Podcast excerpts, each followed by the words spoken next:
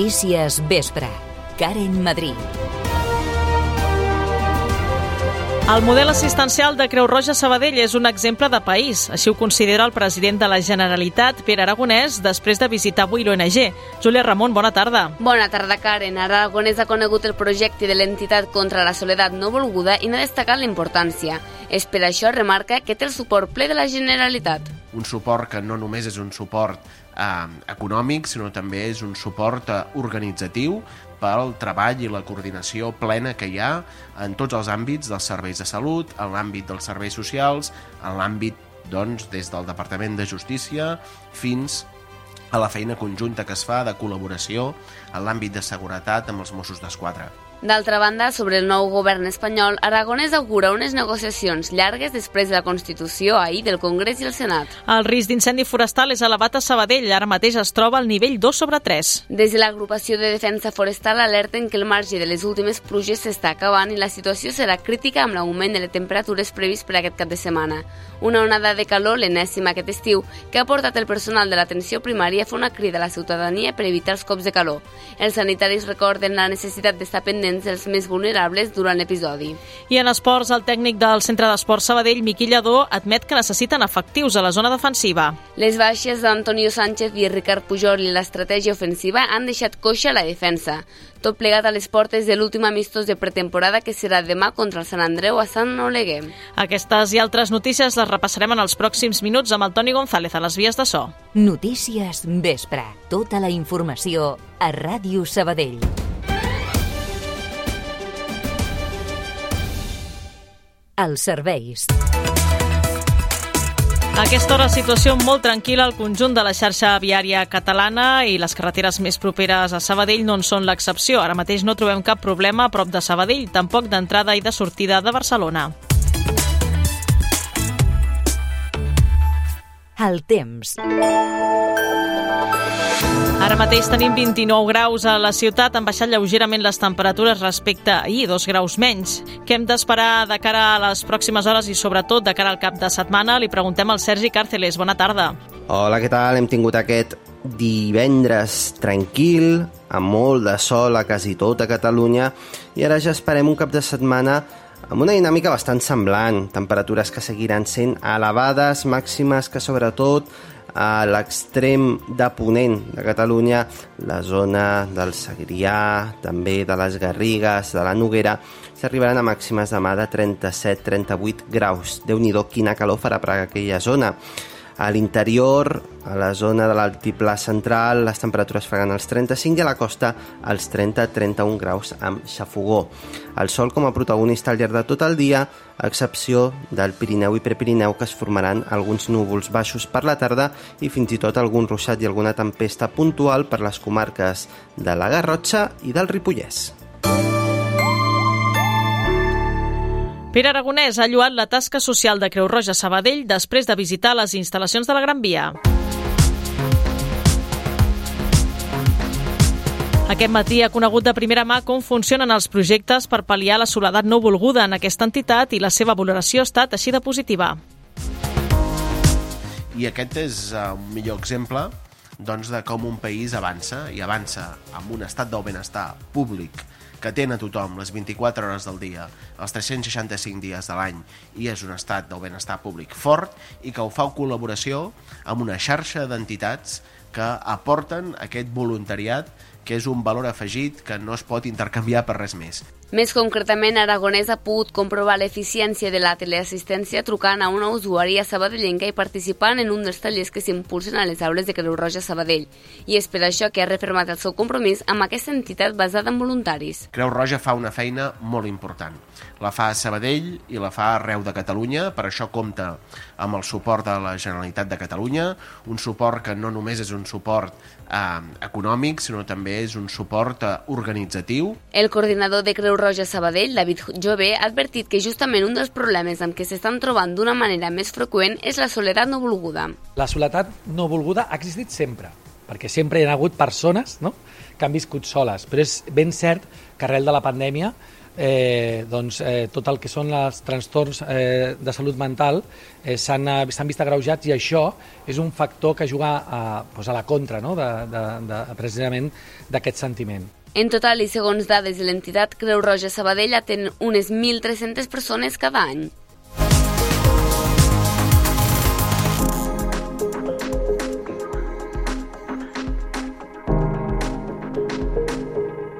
I en aquesta visita a Sabadell, Aragonès també s'ha referit a les negociacions per investir Pedro Sánchez després que ahir es constituïssin les Corts Espanyoles.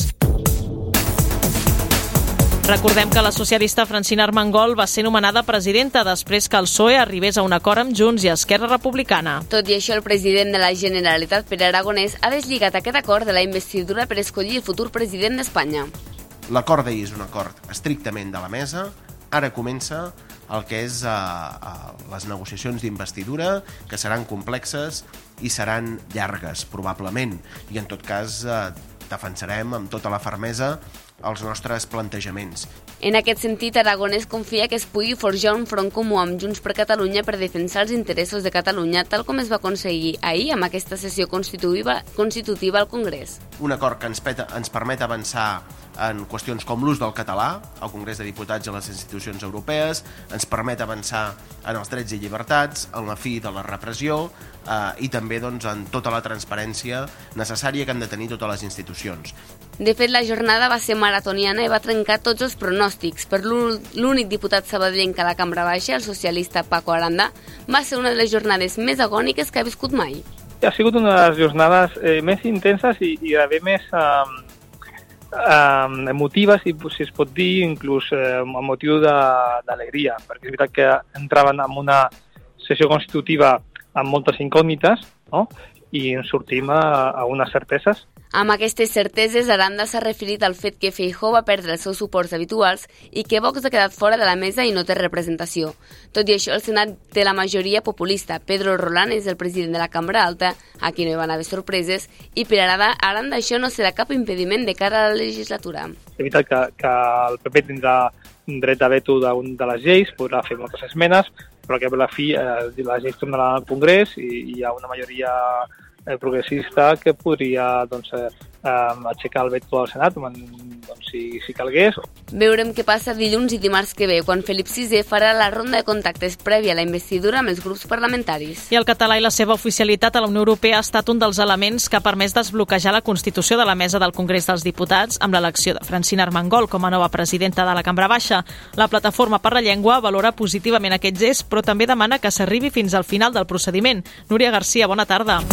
Bona tarda, Karen Saber Salvador, membre de Plataforma per la Llengua i de la taula sabadellenca per la llengua catalana, afirma que és un pas important, ja que fer oficial el català a les institucions europees és una reivindicació històrica. Ara bé, assenyala que ara la pilota és a la taulada de l'estat espanyol, de forma que es mantindran vigilants perquè el compromís es materialitzi.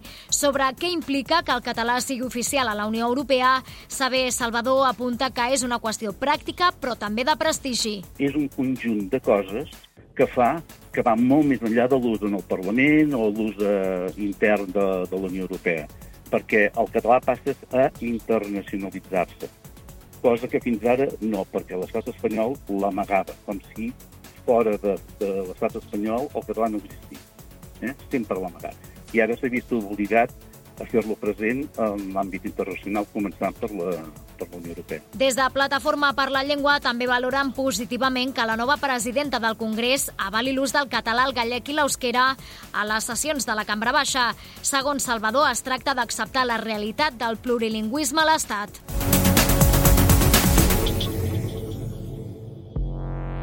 Notícies Vespre. Avui és el Dia Mundial de la Prevenció d'Incendis Forestals i justament Sabadell es troba al nivell 2 del Pla Alfa davant el risc de focs. Pugen les temperatures i creix el perill. S'han d'extremar les precaucions i evitar les activitats de risc perquè ara arriba el moment crític de la campanya contra incendis. No s'han de fer activitats amb risc d'incendi com ara treballs d'obra forestals o barbacoes amb vegetació a prop. Jordi Gil, cap operatiu de l'ADF de Sabadell, assegura que ara comença la fase crítica de perills incendis. La renta que teníem de l'aigua doncs, ja se'ns va acabant, els boscos tornen a estar secs no fins al punt que estan a l'abril, però anem cap allà si no torna a ploure. Ja et dic, encara que ploguin 15, 15 litres, és, és bo. Això són dies que ens dona a nosaltres i als serveis d'emergències per estar més tranquils. Però pinta una, una campanya que comença ara més semblant al juny-juliol, però de la, de la campanya passada. Ara cal que tot el dispositiu estigui alerta i en aquest sentit l'agost és una, un mes ambivalent. També ens trobem en època de vacances, això fa que hi hagi menys activitat als nostres boscos i això, òbviament, redueix el perill que tenim. Però també és programa de vacances i molts voluntaris nostres també estan de vacances on sigui i això també ens fa minvar una mica el número de voluntaris. La temporada passada es van atendre 33 incendis i la primera intervenció d'aquesta campanya va ser a mitjans de març. Un foc aquí a Sant Quirze que va afectar uns 50-75 metres quadrats eh, per culpa d'una borilla i després vam tenir el més important a l'abril d'una hectàrea a la zona del torrent del Capellà. Per sort, a partir del maig i juny va ploure i això ha fet que totes les intervencions que hem tingut fins a, fins a dia d'avui hagin estat molt, molt poca cosa en comparació al que vam tenir la, la temporada passada, que va ser molt, molt, molt intensa. Els incendis habituals solen cremar entre 100 i 1.500 metres quadrats i s'apaguen ràpidament i en poques hores, entre una i quatre. Però l'enèsima onada de calor d'aquest estiu no només té un impacte en el medi natural, també el té en la salut. Per això els professionals de l'atenció primària fan una crida a la ciutadania perquè tingui cura de col·lectius vulnerables davant l'episodi d'altes temperatures previst per aquest cap de setmana. Els nens i les persones grans són les que necessiten més supervisió en les onades de calor, ja que no són conscients de quan necessiten beure o quan la temperatura del seu cos s'eleva massa. Per això cal emprendre accions des de primera hora del matí, del matí, com comenta aquesta emissora la responsable d'infermeria de l'atenció primària metropolitana nord de l'ICS, Maris Nart. Penseu que a la nit s'ha suat molt, per tant, al matí una de les primeres coses que hem de fer és oferir líquids eh, oferir aigua. De vegades a primera hora doncs, eh, probablement doncs, ha de ser doncs, doncs, amb llet eh, o amb altres líquids, però amb sucs, tenir-ho present de que a primera hora del matí és un moment molt important per oferir a aquestes persones aigua eh, o líquid. Durant el dia, sobretot, cal aplicar la lògica i buscar els espais més frescos a zones amb, amb, amb ombra o passar per, per zones amb ombra. De vegades eh, és molt important veure, encara que sigui una hora en què pot haver-hi calor, però igual eh, tenim el parc que el tenim davant de casa que ja està tocant la sombra. Doncs el que hem de perseguir és això, intentar eh, llocs frescos amb la mesura que sigui possible. Suportar altes temperatures durant llargs períodes de temps no només pot facilitar l'arribada d'un cop de calor, sinó que també pot dificultar la recuperació de l'afectat que en pateixi un. La recuperació normalment és relativament ràpida, però si aquelles circumstàncies de calor mantinguda, doncs, eh, imagina't, en un domicili, que aquí parlo de situacions hipotètiques, eh, eh, que hi hagi un domicili que faci molta calor, si ens hem recuperat però segueix aquestes circumstàncies, pot ser la recaiguda pot ser, pot ser fàcil i per tant eh, doncs és important no, no baixar la guàrdia mai en aquests aspectes. Des de l'ICS reconeixen que durant el mes de juliol han tractat diversos casos de cops de calor als centres d'atenció primària de la ciutat, sobretot d'infants als casals d'estiu. Tot i això, asseguren que la majoria dels casos s'acaben produint a casa en persones que viuen soles. Els Mossos d'Esquadra investiguen les causes de la mort d'un home a l'interior d'un camió Torre Romeu. Els agents han rebut l'avís a primera hora d'aquest matí i en arribar al lloc dels fets només han pogut constatar la defunció de l'home de 59 anys. Segons ha explicat la policia catalana a aquesta emissora, la víctima no presentava indicis de criminalitat criminalitat i hauria mort mentre dormia dins del vehicle estacionat al carrer de Canalzina. Per això caldrà esperar a l'autòpsia per poder determinar les causes de la seva defunció. Ràdio Sabadell. Notícies. Les 10 propostes indispensables per descobrir el Vallès Occidental, capítol 4, entre un vapor i un espai natural, què trieu? El vapor del Museu Nacional de la Ciència i la Tècnica de Catalunya. Un exemple del modernisme industrial català el trobem en el vapor que actualment exerceix de seu del Museu Nacional de la Ciència i de la Tècnica de Catalunya, un espai que en temps passats acollia tot el procés industrial de fabricació de la llana. La tècnica en turisme del Consell Comarcal, Cristina Torell, ens descobreix alguns dels seus secrets. L'arquitecte Lluís Monconill va construir aquest magnífic vapor l'any 1907 per encàrrec de tres industrials terrassencs dedicats a la fabricació de teixits de llana, Aymeric, Amat i Jové. L'edifici actualment acull la seu del Museu Nacional de la Ciència i de la Tècnica de Catalunya i està considerat un dels millors exemples del modernisme industrial català. D'aquest vapor modernista acollia tot el procés industrial de fabricació de la llana, en podem recórrer totes les seves parts, les carboneres, les calderes, la xamaneia, la màquina de vapor i la sala de màquines. I també podem visitar les exposicions permanents i temporals que acull. Sigueu ben atents perquè el petit carriló del Nactec, format per 13 campanes, està programat per tocar 20 melodies. Cada dia, a les 10, a les 12, a les 3 i a les 6, serà una melodia depenent de l'estació de l'any. Situat a Terrassa, s'hi pot arribar en vehicle privat o a través de la xarxa de transport públic de Rodalies, ferrocarrils o autobús i amb una entrada general de 4 euros i mig per persona es pot visitar de dimarts a diumenge en horari de matins. La Vall d'Horta. Per aquells que prefereixen la natura a l'arquitectura, la Vall d'Horta és un espai natural que no es pot deixar perdre. Situat dins del Parc Natural de Sant Llorenç del Munt i l'Ubac, es tracta d'un espai amb personalitat pròpia i grans tresors amagats. La Cristina Torell ens en parla una mica més. La Vall d'Horta és un petit paradís de gran riquesa natural i paisatgística, situat dins del Parc Natural de Sant Llorenç del Munt i l'Ubac i inclòs en el terme municipal de Sant Llorenç Savall. Aquesta vall és un territori amb personalitat pròpia, testimoni d'un passat agrícola, com ho demostren les terrasses i feixes de la seva orografia, amb les masies com la Roca, la Muntada, les Oliveres, i el patrimoni arquitectònic, com les barraques de vinya, els murs de pedra seca o el fort de pega. El gran casal modernista del Marquet de les Roques presideix la Vall d'Horta. Aquesta va ser la casa d'estiueig de la família del poeta Joan Oliver, també conegut com a Pere IV. Sabeu que la vall es fa dir en veritats locals de la comarca? La Vall d'Horta està situada en el terme municipal de Sant Llorenç del Munt i s'hi pot arribar en vehicle privat. Fins aquí el quart capítol de propostes per gaudir del Vallès Occidental. La pròxima setmana descobrirem les dues últimes propostes.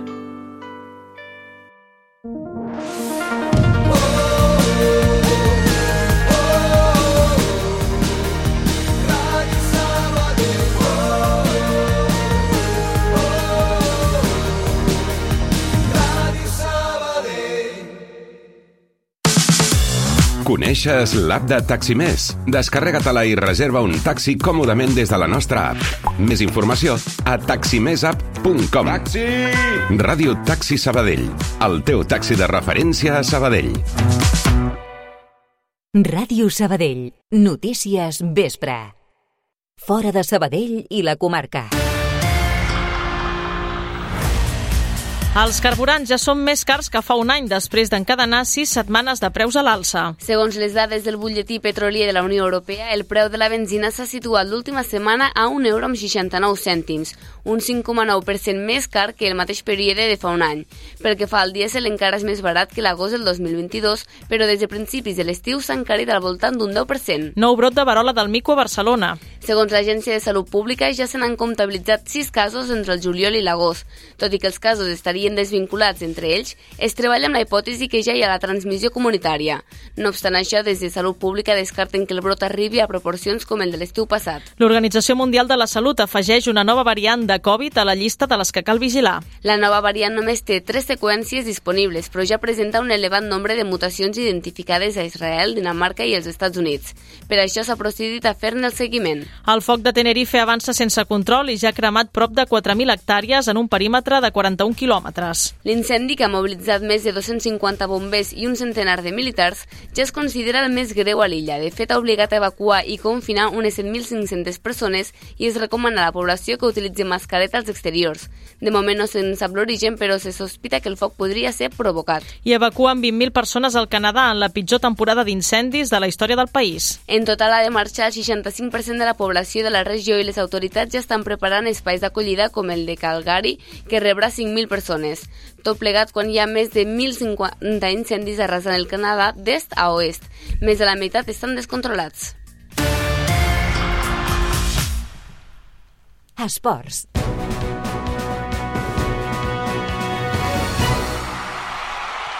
Miqui Lledó ha alçat la veu per la falta d'efectius a la zona defensiva del centre d'esports. Oriol Ferran, bona tarda. Bona tarda, Karen. El tècnic ha comptat amb pocs jugadors a la rereguarda durant la pretemporada. Entre l'estanya baixa d'Antonio Sánchez, la lesió de Ricard Pujol i que els reforços s'han centrat sobretot en la passada ofensiva, el tècnic tot just ha tingut tres centrals naturals durant la preparació, jugant amb un sistema precisament de tres homes a l'eix de la defensa.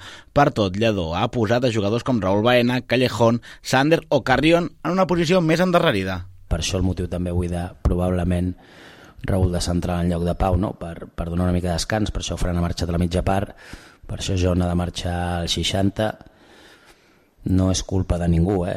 és, és el que és, però si juguem amb tres centrals, necessitem centrals. A vegades sense competència passen les coses de, de Badalona, també. Llavors ha sigut molt difícil perquè hem hagut d'ajustar Sander de central, que no és una posició que té, el missatge que donem també a Sander és un missatge difús, no, de no contemplem per pivot, no comptes per pivot, no, no és això, t'utilitzem de central perquè de moment és, és el lloc on necessitem gent. Baena, que va jugar ahir de central a l'amistós contra l'Ibiza, va acabar lesionat dels isquios i s'afegeix a la llista de baixes de cara a l'últim compromís de pretemporada, el que tindrà lloc diumenge contra el Sant Andreu. Després del bon regust que va deixar el triomf 2 a 1 contra els eivisencs, el davanter Manuel Martínez espera mantenir una bona línia abans de començar la Lliga.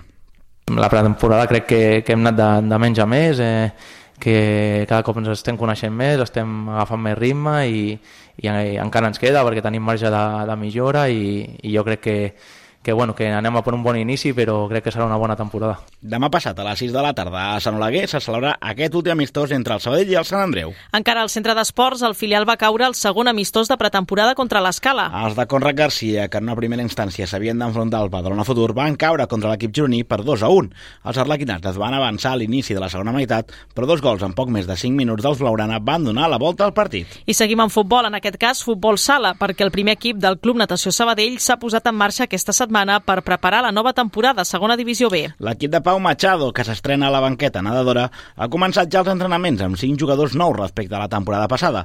A destacar el retorn d'Àlex Llamas al natació Sabadell procedent de l'Ibiza, però també les cares noves d'Adil Dalí, Àlex López, Marc Pérez i Luis García. Machado agraeix la feina que s'ha fet des de la direcció esportiva per confeccionar la plantilla. Nosaltres ens marquem l'exigència la més alta possible, no, no sabem on estarem, però bueno, la veritat que el, per la plantilla que, que hem confeccionat s'adequa moltíssim al meu model de joc i estic molt content de, de, la, de les incorporacions. La veritat que, que l'Arnau ha fet una feina excel·lent i, i a mesura que li anava demanant pues, jugadors eh, que ens interessaven, ha treballat de valent per, per, per poder-los tenir i, i la veritat que molt content. Aquest mateix cap de setmana els de Machado disputaran el primer partit amistós de la temporada contra el Lleida. El partit que disputarà les naus demà a dos quarts de set de la tarda serà la primera prova pel Natació Sabadell. I acabem amb una mala notícia perquè Xus Oviedo finalment no ha pres part de la competició d'equips mixtos de carabina al Campionat del Món de Tir. Estava previst que ho fes avui amb Paula Grande, amb qui va guanyar la plata fa uns mesos als Jocs Europeus, però l'aerolínia que, que havia transportat l'arma de la companya de files del Badienc no ho va fer. Per tant, la participació del tirador del tir Sabadell a Bakú se centrarà en la prova individual que tindrà lloc durant la jornada de demà. El día 19 compito en individual, que ya lo importante, a ver si conseguimos entrar en esa final y, y ya está, y a disfrutar, a disfrutar sobre todo. Això sí, ho afrontarà amb més contratemps, ja que la seva carabina va quedar doblegada també durant el trajecte. A dos quarts de set del matí, hora d'aquí, seran les classificatòries i a tres quarts d'onze la final. Gràcies, Oriol. Bona tarda. Bon cap de setmana.